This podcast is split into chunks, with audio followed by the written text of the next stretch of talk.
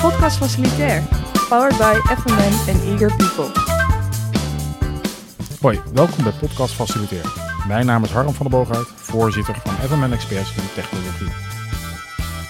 Voor deze podcast zijn we vandaag aanwezig in het BIM-huis in Amsterdam bij het evenement dat heet BIM Loket D-Day. In deze podcast gaan we het hebben over informatieleveringsspecificaties. Wat heb je aan BIM? Wat is de waarde van BIM voor een vastgoedeigenaar? Hoe past dit bij een facilitair management? De relatie met informatiemanagement? En we kijken ook nog eventjes naar de rol van BIM binnen ons expertteam. Vandaag hebben we aan tafel Fred Kloet en Jan Fokkerpost en we gaan het hebben over BIM. Ik wil jullie vragen om je even kort voor te stellen en even afsluitend te zeggen waarom word je enthousiast van BIM? Mijn naam is uh, Jan Fokker Post. Ik werk bij Plano in Daarsleven. En ik ben ook uh, lid van het expertteam technologie. En ik heb de rol binnen Plano als uh, business consultant en daarbij ook veel te maken met BIM. En waarom word je enthousiast van BIM? Ja, BIM zit er eigenlijk al heel vroeg in. Ik ben uh, aan de TU Delft begonnen als bouwkundestudent. En toen hebben we eigenlijk een eerste soort van project gedaan op het gebied van BIM. Dat was uh, vrij de early days zou je kunnen zeggen. Toen zag ik al gelijk van, hey, als je goed met elkaar samenwerkt, dan kun je een beter ontwerp krijgen. En dan krijg je ook veel meer informatie beschikbaar. En toen ben ik eigenlijk daaraan ja, eigenlijk blijven hangen, het thema BIM. Dus nog steeds zie ik daar grote voordelen voor. Het registreren van data en het gebruiken daarvan. Oké. Okay. Boeiend. Ik heb heel veel vragen klaarstaan voor je. Fred. Mijn naam is Fred Kloet. Uh, ook lid van de expertteam technologie van Facility Management Nederland. Sinds twee jaar. Uh, daarnaast, uh, ik ben van oorsprong facility manager. En altijd gedreven door procesintegratie. Zo is het vak gegroeid. En ik denk dat we nu toe zijn aan integratie met eh, alles wat te maken heeft met bouwinformatie, gebouwinformatie. En in dat kader uh, investeer ik graag uh, tijd in, uh, in BIM, Building Information Management. Integratie met bouwinformatie. Ja, ja wij, wij, hebben in onze sector natuurlijk heel veel data. Ja. En die komt uit bronnen. En die bronnen die hebben wij vaak zelf niet. Ja. Of we hebben het geoutsourced, of het zit bij vastgoed, of zit ergens anders. Ja. Uh, en daardoor uh, lopen wij uh, ja, toch een heel op geld mis. We maken zo'n 20% faalkosten per jaar. Alleen al omdat we de informatie niet hebben. Ja. en mijn stelling is dat als we die informatie wel hebben, dat we faalkosten kunnen verminderen. Oké, okay, met integratie bedoel je dat dat wat zeg maar ergens anders in onze omgeving beschikbaar is, dat dat ook bij ons beschikbaar komt? Ja. Dan gaat dat. Ja, en dat hoeft niet een één database te zijn of zo. Dat is oud denken. Het kan er overal vandaan komen als je maar toegang hebt tot die data. Want bij, bij BIM hebben veel mensen, en ik eh, voorheen ook, hè, voordat ik jullie leren kennen, het idee dat het een soort uh, AutoCAD tekening, maar dan in 3D. uh, nu heb ik een paar modellen gezien, dan zie ik dat er hangt een database aan, die, die die elementen in die database dan ergens weer ruimtelijk plaatsen, zoals dat zo mooi, uh, mooi technisch heet. Maar mijn vraag is dan, joh, wat lost dat op? Want als ik AutoCAD al heb en ik heb een database, ik heb een FMIS systeem, heb ik dan niet ook al die data? Waarom, waarom dan weer BIM? Ja, het risico van uh, zeg maar de oude manier is dat je dus AutoCAD-tekeningen vastlegt, precies voor het doel waarvoor je het wil gebruiken. Hè? Dus mm-hmm. bijvoorbeeld ruimte vastleggen, ruimtebeheer of zo. Uh, het andere, hetzelfde speelt ook bij een FMIS. Daar leg je de informatie ook vast voor het doel wat je dan hebt. Bijvoorbeeld het verhuren van ruimtes of het reserveren van die kamers. Het voordeel van BIM is denk ik wel dat je je hebt een soort basis, een 3D-weergave van een gebouw met informatie daaraan gekoppeld. En je kunt eigenlijk het doel of de, het middel waaraan je het presenteert aan de eindgebruiker, kun je eigenlijk nog vaststellen en kun je nog steeds gaan gebruiken. Het nadeel van AutoCAD is dat je het, je had het ooit gemaakt en daarna stelde je weer een nieuwe vraag. En dan had die tekening dat niet, die informatie. Dus moest het weer opnieuw uitgezocht worden. Ja, ja. Ik denk dat dat BIM in de basis wel uh, ja, heeft veranderd. Is het dan uh, uh, waar AutoCAD zeg maar is een, foto en die gaat niet mee met de tijd. Als ik bij BIM iets een mutatie maak aan mijn gebouw, dan wordt het wel meegenomen in tekeningen en een 3D-werkelijkheid. Ja, het, het BIM bevat in de basis zeg maar dus jouw ruimtes en jouw installaties, jouw assets zoals je dat noemt. Mm -hmm. En uh, ja, omdat het eigenlijk een geïntegreerde omgeving is met allerlei verschillende disciplines die met elkaar samenwerken, zou je dus uh, op het moment dat je een wijziging hebt aan jouw ruimte, zou je ook daarmee gelijk kunnen weten, hey, die, die asset is nu ook in nieuwe ruimte uh, ontstaan, is okay. toegevoegd, dat in, die informatie. Ja. Dus het is een soort integrale benadering, ja. Okay. Ja, ik zou er ook een voorbeeld aan toe willen voegen. In het begin, een paar jaar geleden, Uh, bij TU Delft gingen ze met een bedrijf in zee dat uh, een soort van uh, ja, routing door gebouwen aanbood. Mm -hmm. Dus je, je kwam, stond bij de receptie en ja, je kon je laten leiden naar een locatie van je gastheer. Okay. Um, dat werd met AutoCAD gedaan aan één kant. Mm -hmm. um, maar telkens als daar in die ruimte, in, die, in dat gebouw, een wandje verplaatst werd, kon dat niet live aangepast worden. Dus dan was dat handwerk achter de schermen om de AutoCAD-tekeningen te reviseren, Ja. aan te passen. Ja.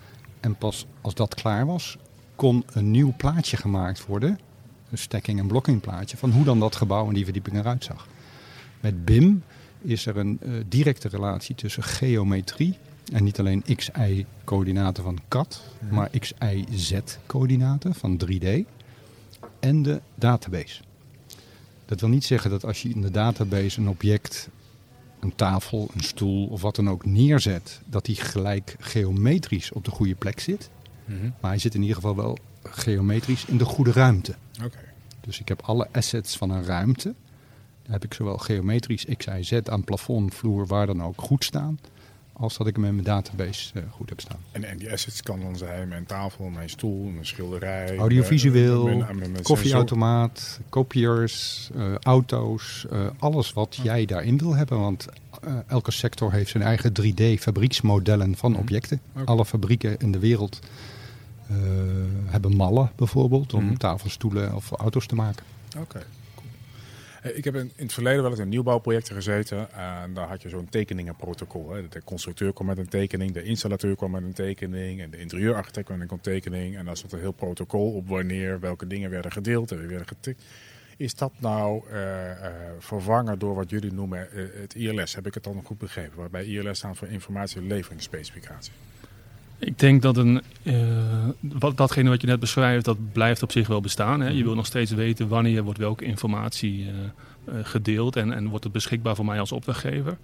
Eh, het is inderdaad wel zo, de term ILS komt wel echt uit, uit de bouw, waar je dus goed definieert van wanneer moet ik welke informatie leveren. En ik denk dat eh, ja, dus een protocol blijft denk ik wel bestaan. En een ILS is op dit moment denk ik wel het middel waarop je vastlegt wat je precies wil hebben. eh, qua BIM-technologie in welke fase. Het hoort bij elkaar, protocol en ILS. En is ILS dan iets wat gestandardiseerd is? Of is ILS wat iedere keer opnieuw ontstaat tussen twee partijen? Het is 80-20. Je probeert met de markt een ILS af te spreken Ja. die een basis vormt. En dan zie je vaak een ILS voor zorg of een ILS voor eh, woningbouw of een ILS voor BNU. Ja. Eh, en die overige 20% die zijn vaak afhankelijk van je bedrijfsstrategie. Als jij eh, met je zorgorganisatie je richt op, op cure, dan zul je een andere ILS hebben dan een organisatie die zich op care richt. En, en, en wie binnen mijn organisatie gaat dan die afspraak maken met die ILS en met die leverancier? Dat is een hele belangrijke vraag. Want eh, ja, we hebben het steeds meer over integraal informatiemanagement. Mhm. Wel met applicaties aan het einde, maar ja, waar komt al die informatie vandaan? Ja. Tegenwoordig komt die bij een FMIS vandaan, hij komt bij een HR-systeem vandaan, bij een SAP. Maar hij komt ook uit een, eh, ja, uit een ontwerpprogramma van de bouw, eh, installatietechniek, gebouwbeheersystemen. Ja. En, en ja, die vraag, dat is wie gaat de regie voeren over informatiemanagement rond- in, in facility management in Ja. de werkomgeving? Oké, dat, is, dat is niet zeg maar in onze huidige, ja, hoe, we, hoe we meestal facilitair management organiseren. Dat is niet dat zeggen we functionaris, nou dat zou die of die moeten Wij oppakken. kunnen dat niet meer alleen. Bijvoorbeeld het Van Gogh Museum is Mhm. ook nu een, een roadmap aan het maken van FMIS naar FMBIM. Wil niet zeggen dat ze afscheid nemen van FMIS. Het is meer een mentaal verhaal, een mentale kwestie. En ze hebben gezegd, wij willen dat de IT-afdeling bepaalde verantwoordelijkheid voor informatiemanagement van ons overneemt. Ja.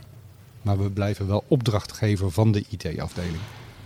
Maar je ziet ook met name wel, wel nieuwe rollen ontstaan. Dat, denk wel een, eh, dat moet ook denk ik wel. Maar ik heb eh, zelf wat ervaring dat je bijvoorbeeld eh, echt met een space management afdeling werkt. Die weten best wel goed hoe zij hun tekeningen willen ontvangen. Maar die hebben bijvoorbeeld nog nooit met elkaar, met de, de asset managers afgestemd. Hè, en de asset management heeft natuurlijk een eigen, eh, is ook weer een discipline op zich. Hè. De, de typische pomp met alle parameters die je wil weten van een pomp. Eh, en dus daar zie je ook nu een soort grijs eh, gebied ontstaan van Mhm. wie pakt dan precies de asset en space management op. Die Ja. rol die is er niet vaak, dus dat, dat zal echt moeten ontstaan nog.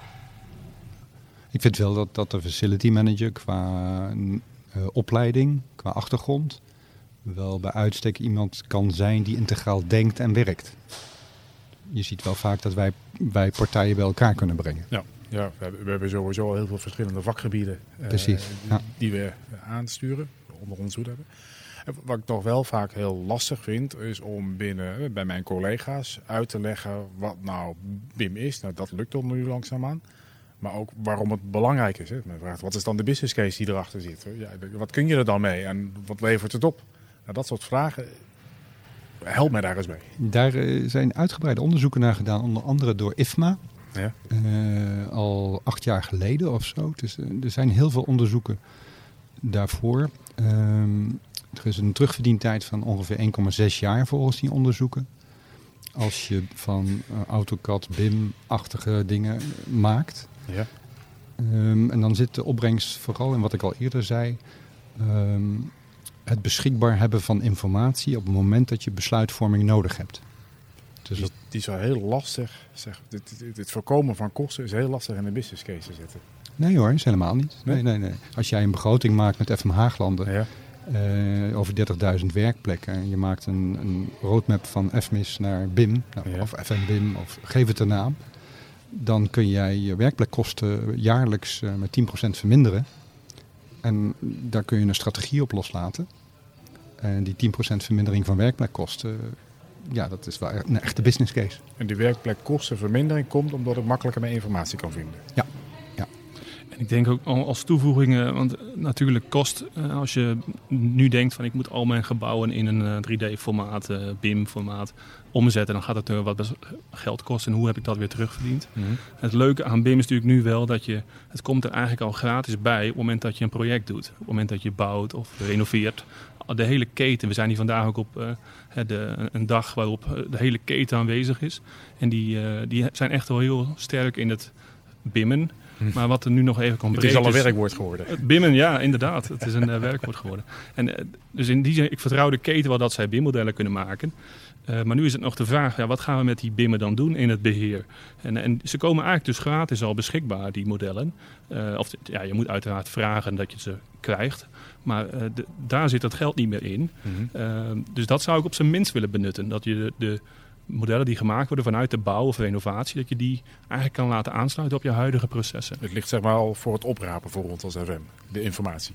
Zo, zo zou ik het wel willen benaderen. Ja. Want dat als, is je eigenlijk... ervoor, als je ervoor open staat, wel. Ja. De, de, bouw heeft af en toe bij ons nog iets van, ja, ja, ja, we zijn niet echt geconnecteerd met de bouw. Nee. Ik denk dat we dat nu wel los moeten laten, want anders dan uh, wordt het omgekeerd straks. Vanaf de vloer van het congres hebben we even bij ons getrokken Anja in het veld. Die werkt bij het Van Gogh Museum en die heeft prachtige ambities om BIM ook in het echt toe te passen. Anja, kun jij vertellen hoe jij BIM wil toepassen in jullie expositieruimtes?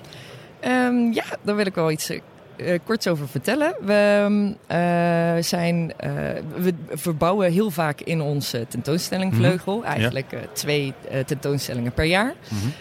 en we komen iedere keer tot dezelfde vraag. Hoe, hoe breed is die deur? Hoe hoog is dat stuk glas?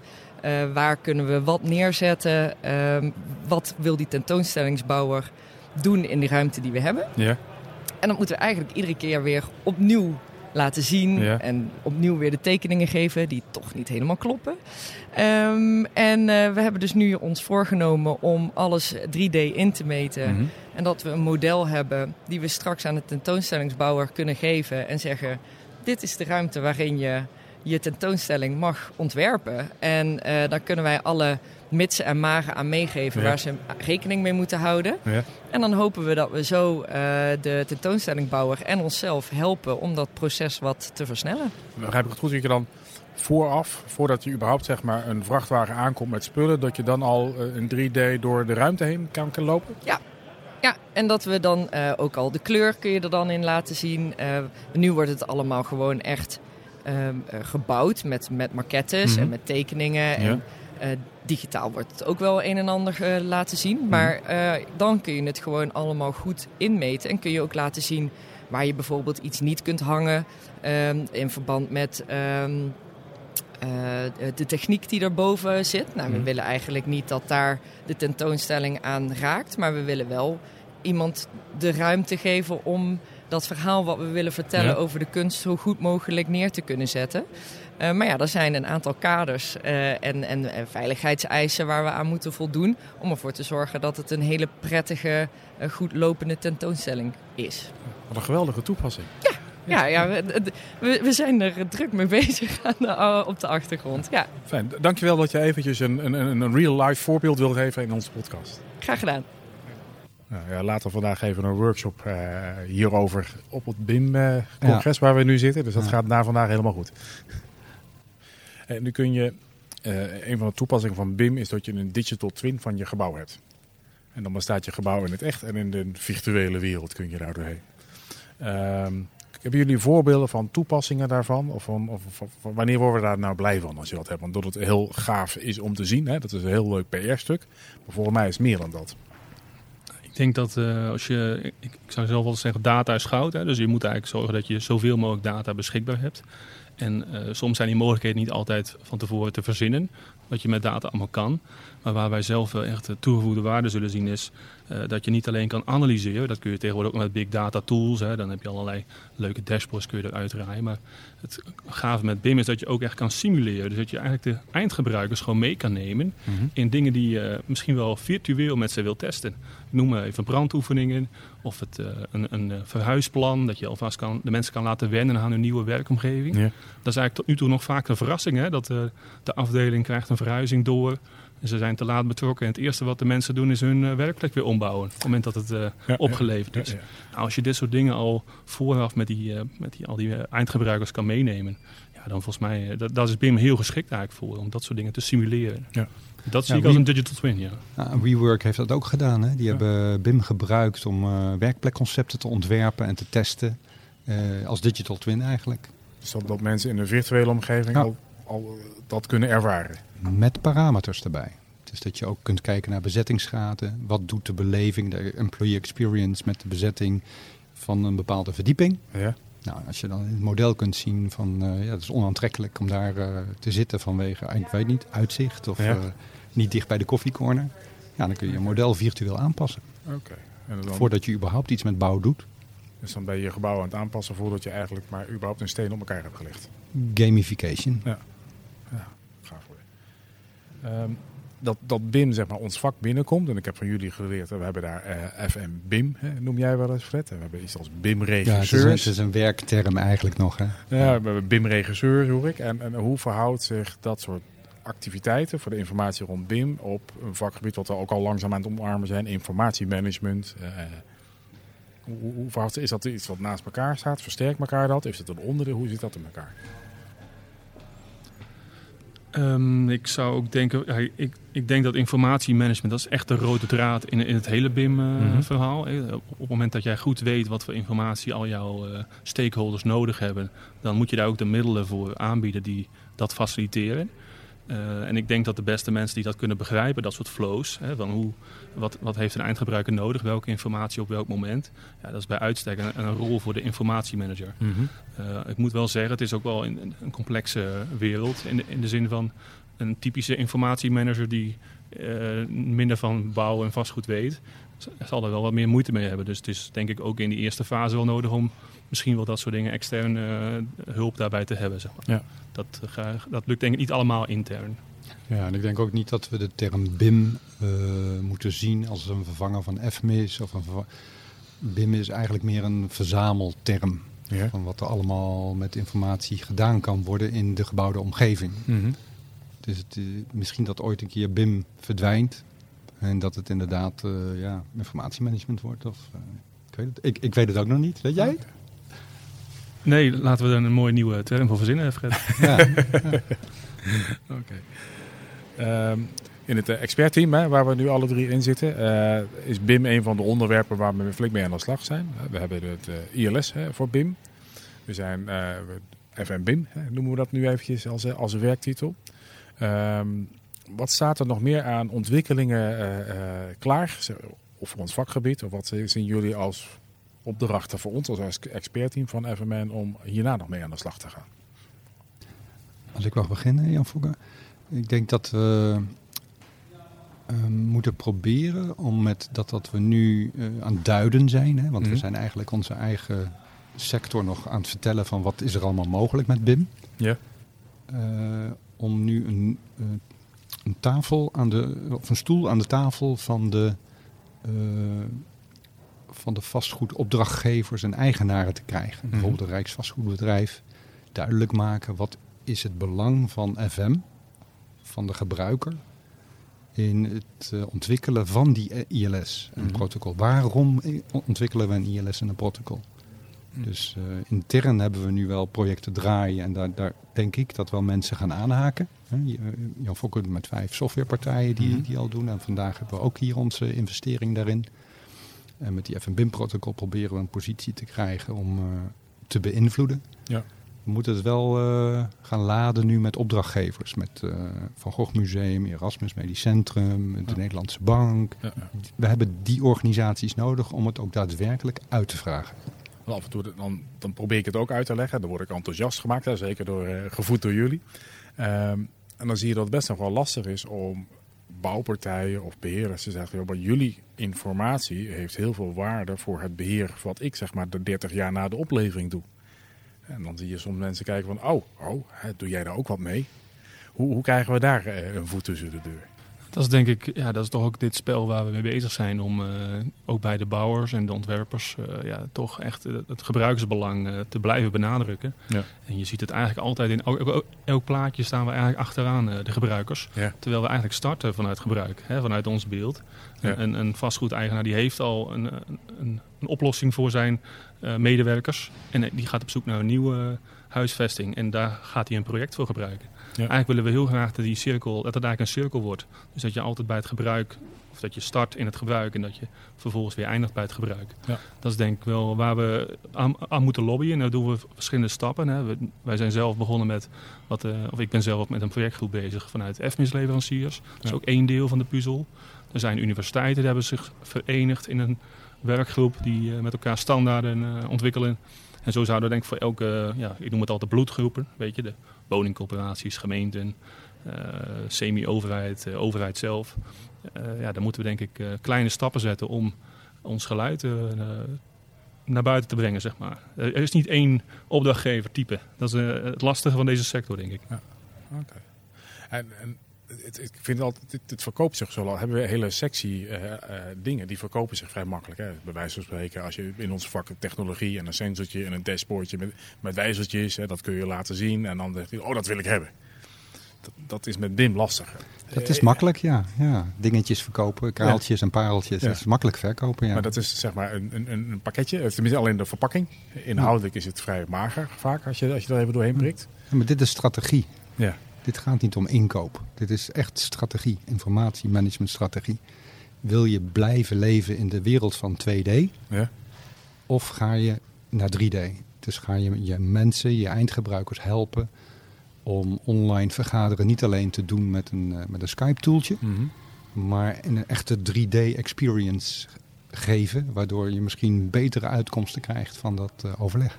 En dan zie, dan zie je zeg maar, nieuwe diensten ontstaan. Dus niet alleen een informatiemanagementstuk, stuk, maar omdat ik dit heb, dan kan ik daar weer nieuwe diensten. Als jouw informatie klopt, ja?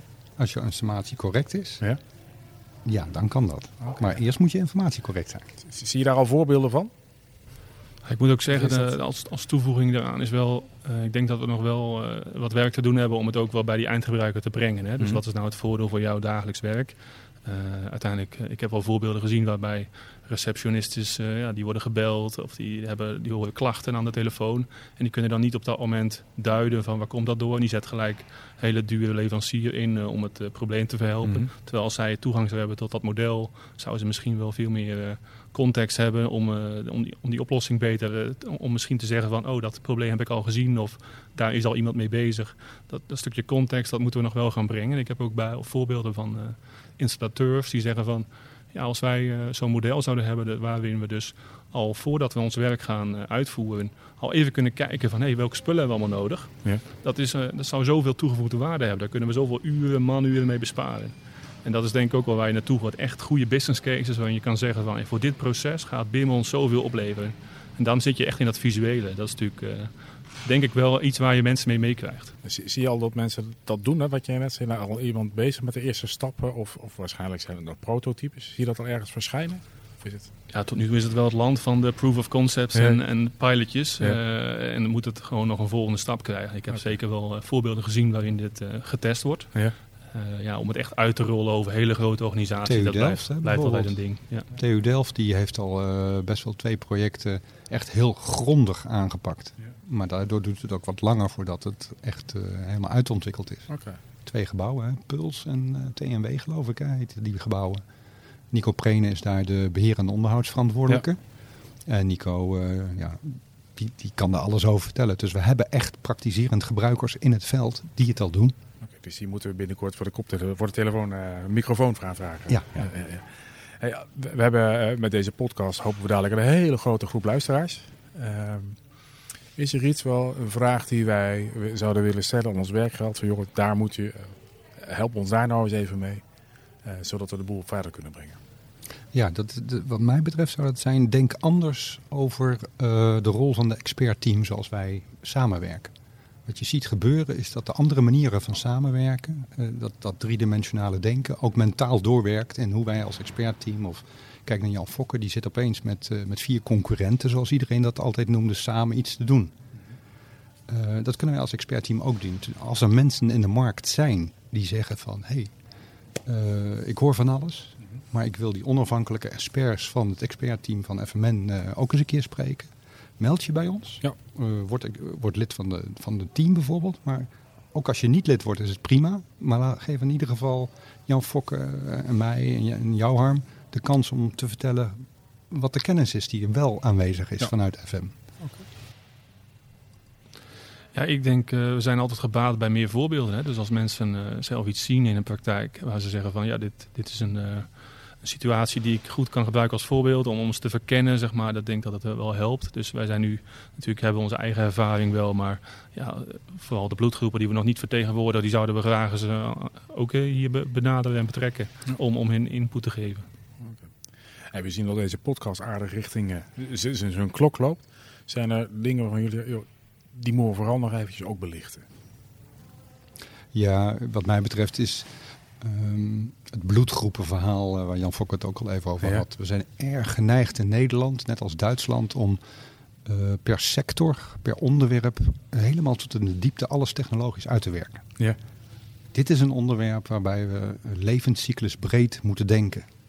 Dus het gaat over de, de totale levenscyclus van de gebouwde omgeving die wij gebruiken mm -hmm. om diensten te leveren aan onze eindgebruikers. Dat betekent dus dat je even ja, hoe moet je dat zeggen, de, de bekrompen sectorale gedachten los moet laten. Ja.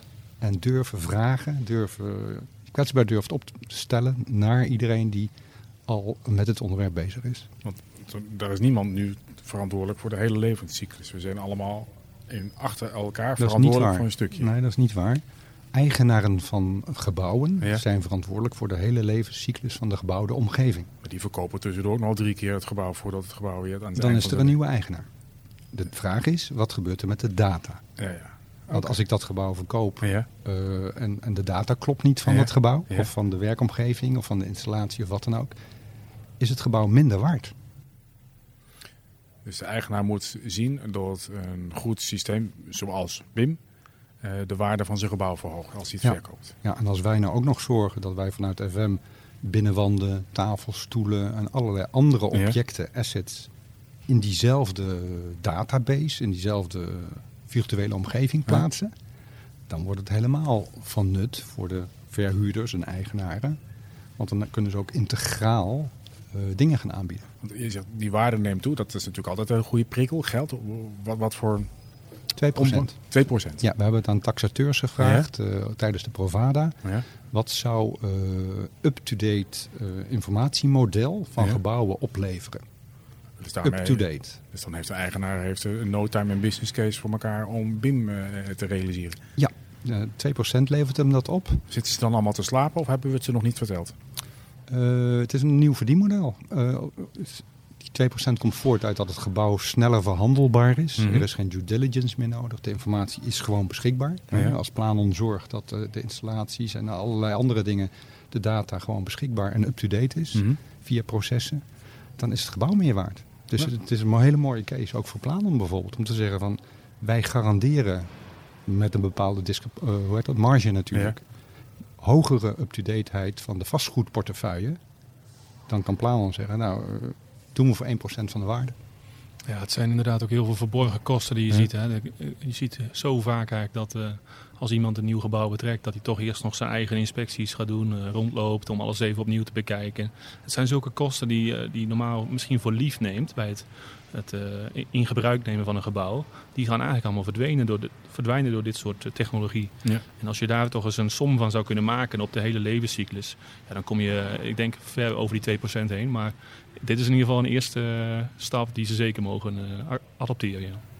En volgens mij hebben we daarmee de vragen aan het begin, wat levert BIM op? Ruimschoots beantwoord. Er zit een enorme waarde in. En voor zowel voor ons als facilitair, hoe wij onze processen doen. Voor de mensen die in onze gebouwen wonen, leven en werken. Maar ook voor de eigenaren. Dit half uur ging voorbij, dus we zitten aan het einde van onze podcast over BIM. Uh, wil je meer informatie hebben, kijk op de site van fmn.nl. En zeker voor alle vragen over BIM verwijzen we graag naar bimloket.nl. Dank jullie wel voor het uh, boeiende gesprek. Graag gedaan.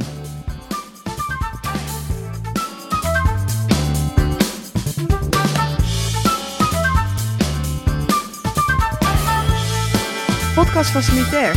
Powered by FMN and Eager People.